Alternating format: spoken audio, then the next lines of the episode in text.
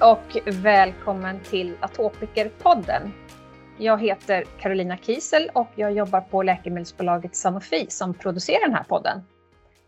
Idag kommer vi träffa Marita Sedvalsson som vid sidan av sitt jobb som lärare även har rollen som ordförande i Astma och allergiförbundet. Marita har även egen erfarenhet av både allergier och astma sedan hon var liten och vi ska idag ta del av hennes personliga erfarenheter och hur de fick henne att påbörja arbetet inom patientförbund och organisationer. Hej och välkommen Marita! Hur mår du? Men tack för att jag får vara med här idag. Jag mår riktigt bra faktiskt, trots pollensäsongen intåg i, i livet just nu. Då. Men nej, det känns ganska okej faktiskt.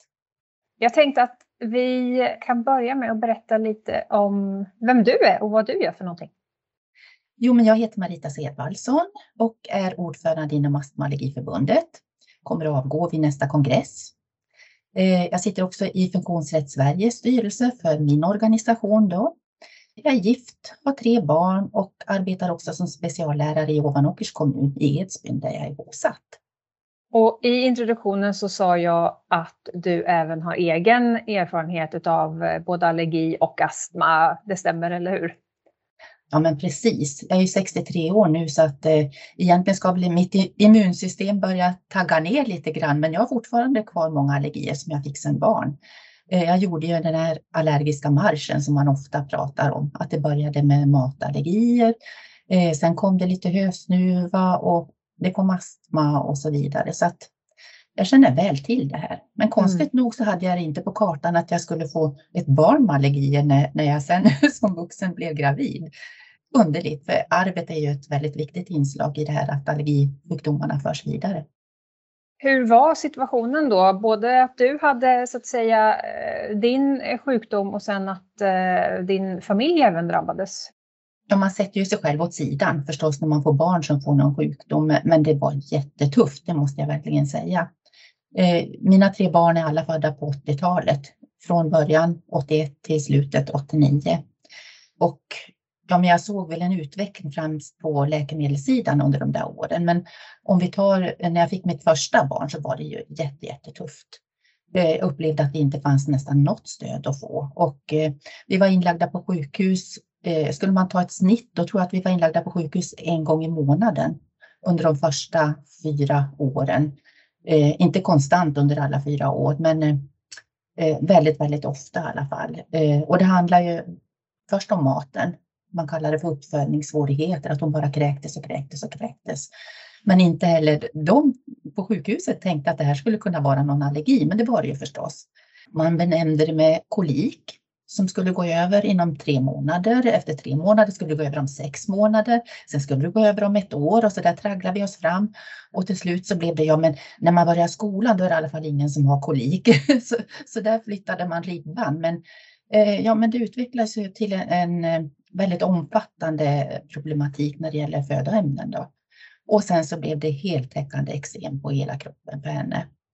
Och så kom ju astman det blev också den här allergiska marschen och sen en väldigt svår pollenallergi som också ledde till korsreaktioner med mat. Eh, men just det här med eksemen, det var ju väldigt, väldigt påfrestande för vår familj, det måste jag säga. Om man jämförde eksem med astma så kunde man ju behandla astma. Det fanns någonting man kunde göra själv som förälder. På eksemsidan då var det ju det här smörjandet, smörjandet och smörjandet som man ändå inte tyckte ledde till ett resultat. Utan det var ju lika nästa natt och det var lika nästa natt och lika nästa natt. Eh, jag kommer ihåg att jag sydde pyjamasar av lakanstyg. Jag, jag kommer ihåg att jag tillverkade vantar som fick gå bakom ryggen på henne. Att jag hade tuvgas och så knöt jag knutar och så fick det gå bakom ryggen så hon inte skulle kunna riva sig. Du förstår vilken skillnad mot för de hjälpmedel som finns idag och behandlingar som finns idag. Så att, nej, men det där var jättetufft.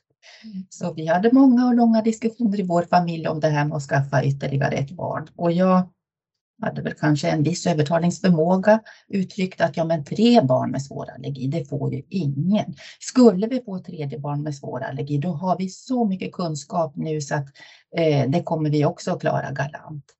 Men så kommer den här flickan, 89, och när hon var sex månader, då började det pipa i luftrören på henne. Och sen utvecklade hon också matallergi. Alltså, då var det lite sorgligt måste jag säga, men ah, vi har ju fixat det. Även om det har varit höjder och djupa dalar och så, så har vi ju fixat det. Nu besitter ju du en stor personlig erfarenhet av både allergier och astma. Och sen lite senare i livet så fick ju du en, en förfrågan att bli aktiv i en lokalförening. Eh, kan du berätta lite grann vad den starten och vad det ledde till? Ja, men det gör jag gärna. Det var 1996 eh, Eh, som en kvinna som bor i samma närområde som jag hörde av sig till mig på telefon eh, och undrade om inte hon och jag skulle starta en lokal astmaallergiförening då. Det var liksom i det här skedet när mitt liv var så fruktansvärt tungt så att det, min första reaktion var nej, ska jag orka det också? Så jag var tvungen att fundera på det här ett tag. Men eh, upprinnelsen till hennes fråga är ju egentligen väldigt sorglig. För att två år innan det här, då hade hon mist sin 11-åriga dotter i en allergisk reaktion på grund av nötter. Och hennes flicka var jämngammal med, gammal med min son, så att eh, jag kände ju väl till den här mamman. Men jag hade fått fundera lite på det här, då, då kände jag att ja, men det är klart jag måste svara ja. Vi måste ju tillsammans göra den här världen lite tryggare och säkrare för våra barn. Så att självklart så svarar jag ja. Så att då 96 så bildade hon och jag en lokal astmaallergiförening. Vad, vad heter den eh, lokala astmaallergiföreningen? Den heter Astma och allergiföreningen i Ovanåker. Och sedan så 2013 så blev du vald som ordförande i Astma och allergiförbundet, eller hur? Precis, men utvecklingen hade ju gått från den här lokala föreningen till eh, länsföreningen som då fanns. Så där var vi båda, både den här mamman och jag, var aktiva i den ett antal år först. Och sen ville man nominera oss båda till eh, förbundsstyrelsen och eh, det var 2007 faktiskt. Vi kom med i förbundsstyrelsen. Eh, och sen 2013 fick jag en förfrågan om att gå upp som ordförande då. Vilket jag tackade bestämt nej till. Men eh, eh, sen ville, ville man att jag skulle komma ner och ha ett samtal med valberedningen och så där. Och så, eh, ja, men det, man tog steg för steg. Jag förankrade med, med rektorn på jobbet och jag förankrade med familjen och, och till slut så sa jag, men jag, okej, okay, jag provar en mandatperiod. Jag provar. Och så blev det två och så blev det tre. så. Men jag har ju gjort en väldigt, väldigt intressant och utvecklande resa under de här nio åren eh, jag ångrar inte en dag. Även om det finns utmaningar och det är en ganska hög arbetsbelastning när man har en annan yrkesroll vid sidan av. Men, eh, nej, men det, har varit en fantastisk resa, det tycker jag. Och eftersom du har varit där ett tag så tänkte jag att du kunde ge oss lite bakgrundsfakta om Astma och allergiförbundet. Ja, Astma och allergiförbundet bildades 1956 eh, Eh, och det var ett antal lokala föreningar som gick samman och bildade en paraplyorganisation. Eh, och sen eh, har ju organisationen växt. Idag har vi ungefär 16 000 medlemmar. Vi har ungefär 100 lokala föreningar runt om i landet. Men nu väntar vi på det stora genomslaget och få tillbaka ett svenskt allergiprogram. Det är liksom den målsättning vi har. Har du några särskilda hjärtefrågor som du brinner för inom, inom förbundet? Ja, men det här med en jämlik och god allergivård över hela landet, det är ju den viktigaste frågan, för den löser så många andra frågor. Så den är superviktig för mig. Men också, så brinner jag också för eh, barns situation. Barn som växer upp med astma, allergi, annan överkänslighet eller atopiska eksem. Jag vet att det här påverkar så mycket för barnens möjlighet till delaktighet och deras livsvillkor och så. så att, barnens situation och barnens stöd i de här eh, diagnoserna, det är nog min andra hjärtefråga, skulle jag säga. Så när jag går in på er webbsida astma och allergiförbundet.se, vilken information kan jag räkna att hitta om astma där och allergier? Ja, vi bistår ju inte med medicinska råd, det gör vi inte, utan vi hänvisas, hänvisar gärna till 1177 där. Men däremot så ger vi information om vad diagnosen innebär, hur symptomen ser ut, att det finns flera typer av astma, och vi pratar också om den där stora samsjukligheten med allergi. Det tycker vi är viktigt att patienterna vet. Men det som är viktigt för oss som patientorganisation också att berätta, det är ju vilka rättigheter man har som patient.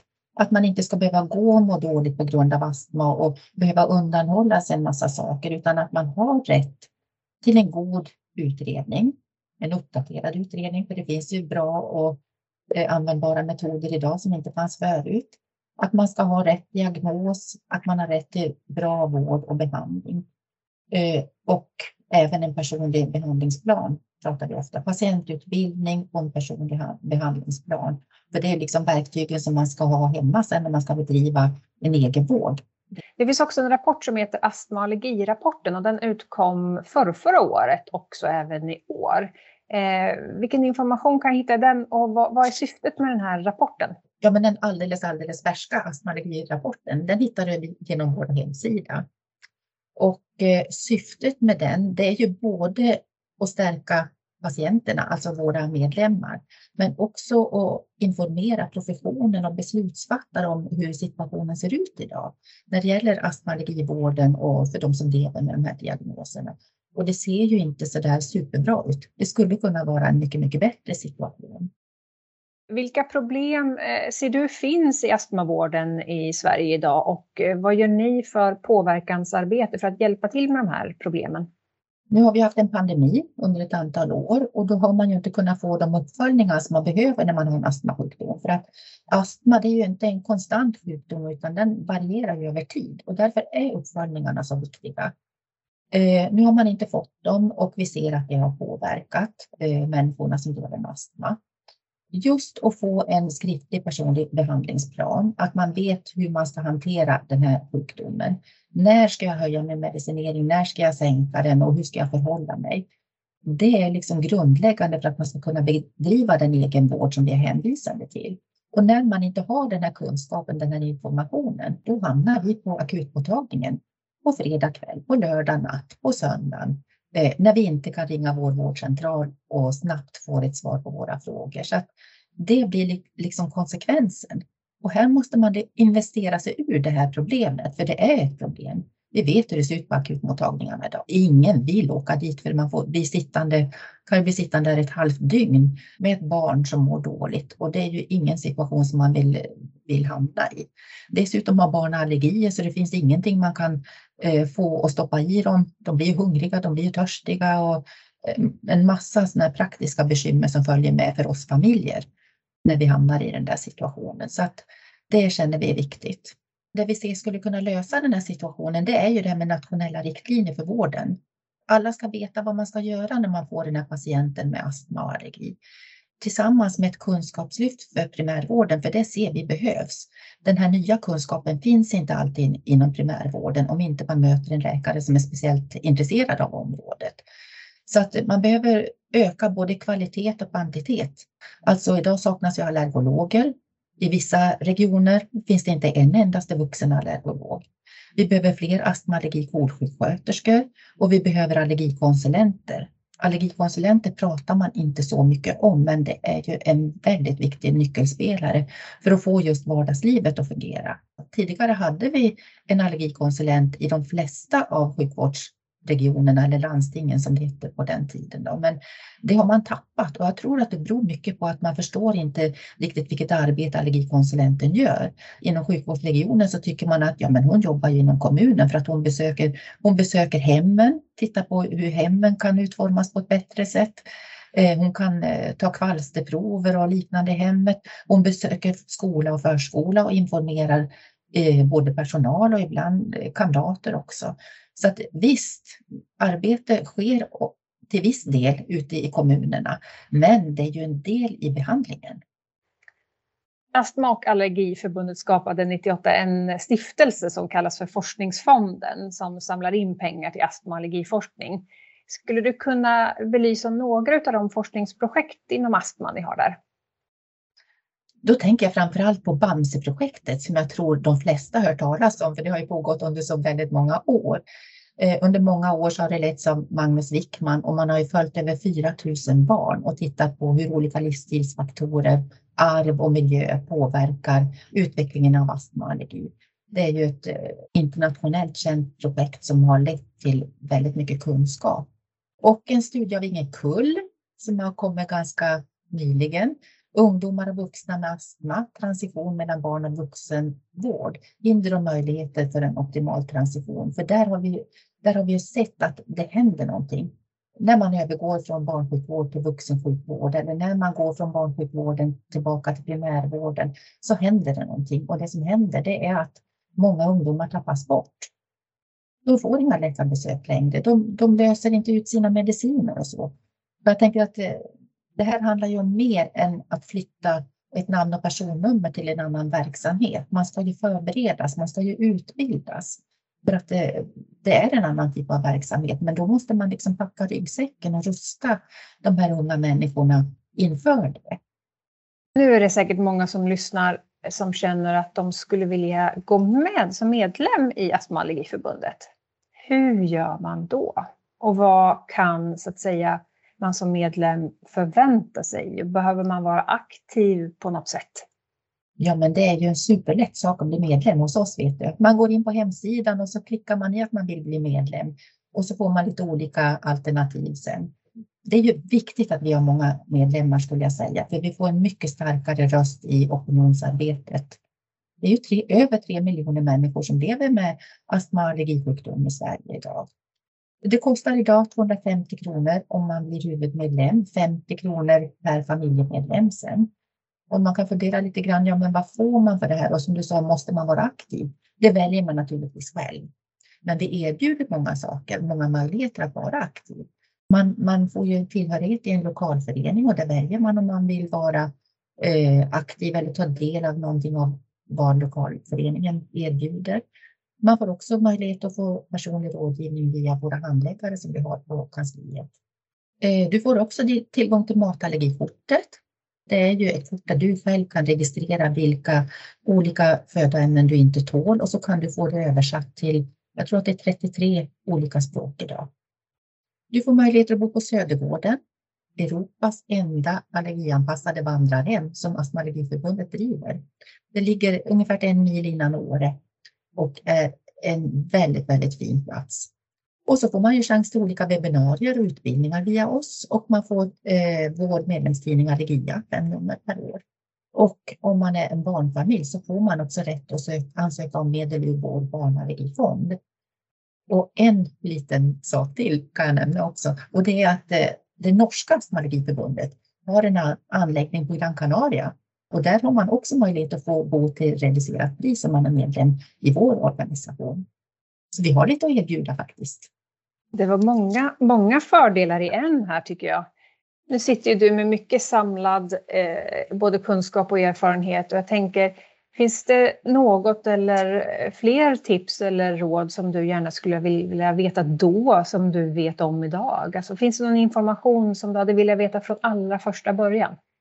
Ja, den här utvecklingen som har varit på läkemedelsområdet, den hade jag ju väldigt gärna haft tillgång till när mina barn var små. Men jag hade också velat veta mer om det här att man inte skulle behöva undanhålla sig olika allergen innan man bevisligen är känslig mot dem. Att det skulle ha en förebyggande effekt och inte komma i kontakt med olika saker. Eh, det skulle ju underlättat vardagslivet, tänker jag. Sista frågan, eh, Marita, vad gör dig lycklig? Musik och barn. Ja, jag gillar ju Greatest Love of All med Whitney Houston som innehåller både musik och barn. Den tycker jag är jättefin och är också en pepplåt. Att man ska tycka om sig själv och man ska rusta barnen så att de tycker om sig själv. Jag är helt eh, övertygad om att eh, lyssnarna nu vet vad Astma Allergiförbundet jobbar för och vilka krav man kan ställa både på sin vård och behandling så att man faktiskt kan nå en så bra livskvalitet eh, som möjligt. Så Marita, enormt tack för att du tog dig tid och berättade om dig och din bakgrund och de erfarenheter som du har haft på, på, på din väg och råd och det här viktiga arbetet som du och dina kollegor gör med Astma och Allergiförbundet. Tusen tack! Och som en liten påminnelse, se till att prenumerera på vår podcast så du får notiser när nya avsnitt blir klara. Tack snälla för att du lyssnade och vi hörs snart igen.